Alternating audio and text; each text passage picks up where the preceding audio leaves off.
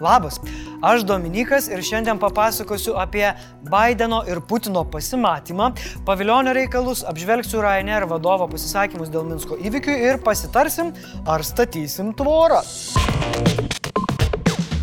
Tai įvyko. Tomas prieš Jerry, Rokis prieš Ivaną Drago arba Kadilakas prieš Žiguliuką. Neutralioje Ženevos aplinkoje susitiko galingiausių pasaulio valstybių vadovai.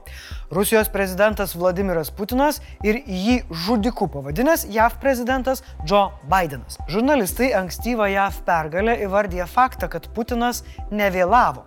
Paprastai jo atvykimas į susitikimą keliomis valandomis vėliau yra galios demonstravimo ženklas. Kiti prieštarauja ir sako, kad vien paties susitikimo faktas ir dėmesio parodimas Putinui yra Rusijos pergalė. Prieš pokalbį Putinas užsiminė turės vilti dėl produktyvaus susitikimo.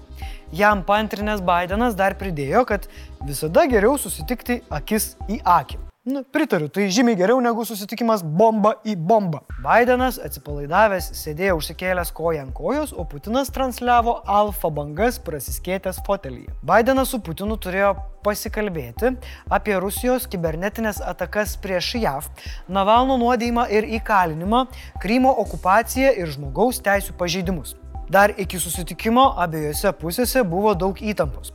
Putinas į dėrybas, nepaisant teroristiško pastarojo meto Rusijos elgesio, važiavo pakeltą galvą.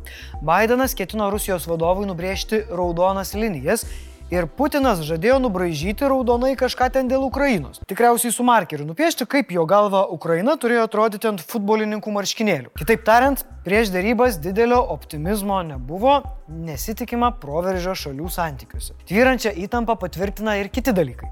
Pirmas. Per darybas nenumatyta valgio pertraukėlė. Bendras pavalgymas per tokius susitikimus laikomas geros valios gestu. Antras. Dėrybų vieta 1985-ais šaltojo karo metu būtent Ženevoje įvyko JAV ir Sovietų sąjungos lyderių susitikimas. Prieš susitikimą mūsų užsienio reikalų ministras Gabrielius Landsbergis pritarė Bideno žodžiams, kad Rusijai turi būti nusiusta aiški žinutė. on membership that countries can apply to, because now it might look as if it does. Ir pridėjo, kad Rusija stato Baltarusijos sieną. Čia aktuali ir teisingai panaudota analogija su Berlyno siena. Tikiuosi, kad Bidenas visą tai perdavė už uždarų durų, o Putinui neišėjo pro kitą ausį, bet laidą tempiau kiek galėjau, bet vis tiek nepavyko išlaukti iki pat lyderių susitikimo pabaigos. Tai dabar jūs mums papasakokite, tai yra parašykit komentarą, kaip vis dėlto ten viskas baigėsi. O rytoj 10 val. ryto žiūrėkite susitikimo aptarimą tiek žinių kalba ekspertas laidoje. Nesibaigė Žygimanto paviljonio nesėkmės. Seimo opozicija susirinko apie pusšimtį parlamentarų parašų dėl užsienio reikalų komiteto pirmininko atstatydinimo iš pareigų po to, kaip sumetėliai iš Rusijos Leksusas ir Vovanas paviešino sumontuoto pokalbio su juo įrašą. Šie parašai skirtingai nuo surinktų kelių šimtų tūkstančių vardų ir pavardžių, yra tikri ir turi galę. Pagal Seimo statutą toks pasiūlymas turi būti svarstomas, kai jį motivuotų raštu pateikė Seimo valdyba, komitetas ar ne mažiau kaip penktadalis Seimo narių. Tada slaptame balsavime už atleidimą turi balsuoti mažiausiai 71 parlamentaras.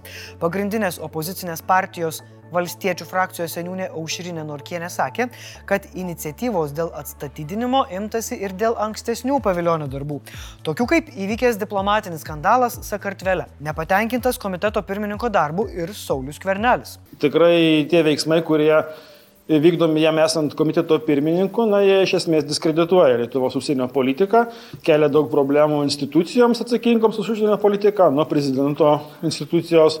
O Seimo pirmininkė Viktorija Čmilytė Nilsen paviljonį gina. Man rodos, kad e, tolerigiškiausia būtų šioje situacijoje nereaguoti ir nepasiduoti provokacijoms. Ir pasakė, kad opozicija tiesiog pasiduoda provokacijai. Skvernelis teigia, kad tikrai taip nėra. Nepagrystas kaltinimas, galbūt vėlgi bandymas išgelbėti gelbėti gerbiamą paviljonį.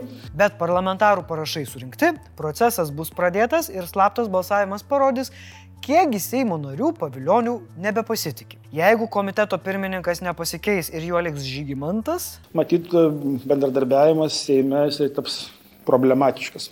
Ne, nieks iš opozicijos pavilioniai prenkų gal ir nedarys, bet tikėtina, kad du užsienio reikalų komitete esantis valstiečiai paliks komitetą. Pats paviljonis teigia, kad žalos Lietuvai nepridarė.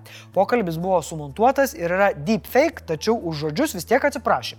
Jis tikisi, kad iš šios istorijos pasimokys visi. Jis atsargumo, o kiti demokratiškumo ir solidumo. O jeigu pateksit jūs į kokį skandalą, tai visada galite sakyti, kad bus rusų tarnybos pasidarbavusios. Labai legit argumentas iš tikrųjų. Baltarusijos opozicijos lyderė vėl paragino pasaulį imtis griežtesnių sankcijų prieš Lukašenkos režimą. Šį kartą kreipėsi į Junktinės karalystės įstatymų leidėjus. Ji pabrėžė, kad priverstinis oro bendrovės Ryanair keleivinio lainerio nutupdymas rodo, jog jo režimas didina smurtą. Ji paragino imtis naujų sankcijų prieš Baltarusijos režimą išlaikančias valstybinės įmonės, atskirus verslininkus ir oligarchus, bei pasiūlė imtis priemonių Baltarusijos valstybės skolos atžvilgių, kadangi Londono vertybinių popierių biržoje prekiaujama Baltarusijos obligacijomis, o ES jau ėmėsi naujų sankcijų. Buvo nuspręsta 78 asmenims susijusiems su režimu taikyti kelionių į ES draudimą ir išaldyti čia esantį jų turtą. Be to, sankcijos paveiks mažiausiai septynias valstybinės institucijas ir įmonės.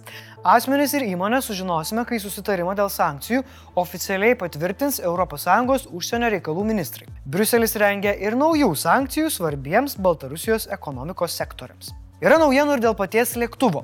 Ryanair vadovas pranešė, kad Baltarusijos priverstinis lėktuvo nutupdymas Minske pažeidė visas tarptautinės aviacijos taisyklės ir atmetė režimo versiją, esą sprendimą nukreipti lainerį į Minską priėmė pati įgula. Anot jo, kapitonas pakartotinai paprašė Baltarusių sujungti įgulą su Ryanair operacijų kontrolės centru Varšuvoje, bet jam buvo pasakyta, jog Ryanair nekelia ragelio.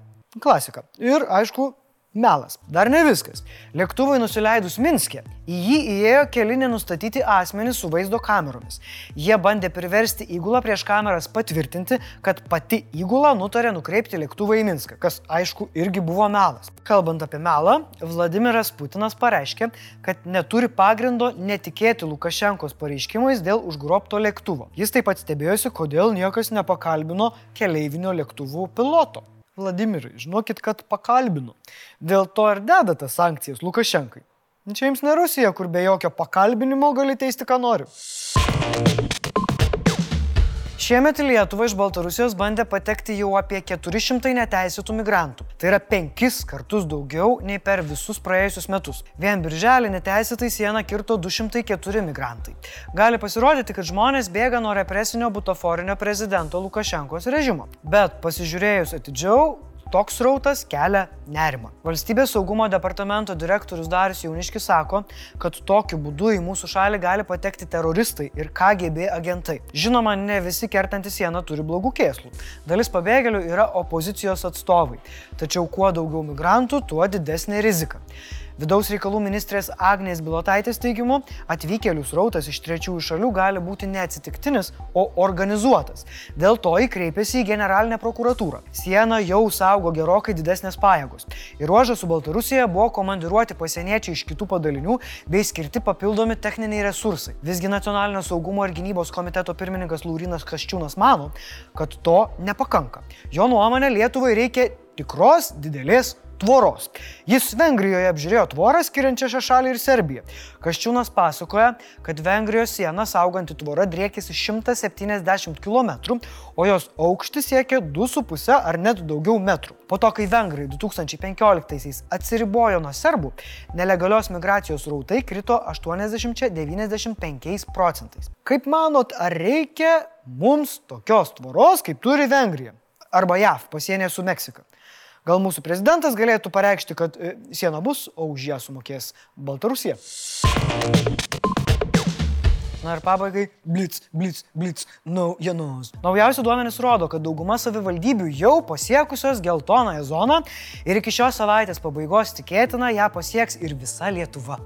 Pastarąsias penkias dienas stebimas didžiausias naujai nustatomų atvejų kritimas per visą pandemijos laikotarpį. Į Vilniaus oro uostą specialiu reisu iš Londono atskraidinta 15 Lietuvos piliečių. Jie iš Anglijos išsiųsti namo už įstatymų pažeidimus. 13 iš jų buvo paleisti, du perduoti Lietuvos teisės saugai, nes buvo ieškomi. Parskraidintuosius lydėjo 71 Anglijos pareigūnas.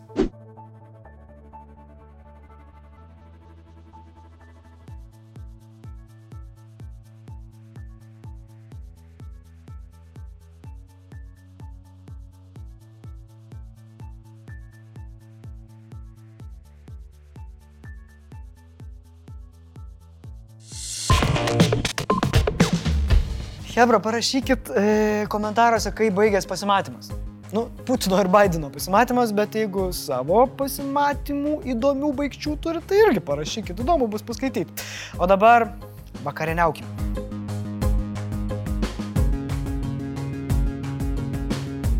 Šiandien tiek, aš eičiau į pasimatymą. Ne, neįsiu šiandien. Nu, žodžiu, einu namo. Tiek žinių.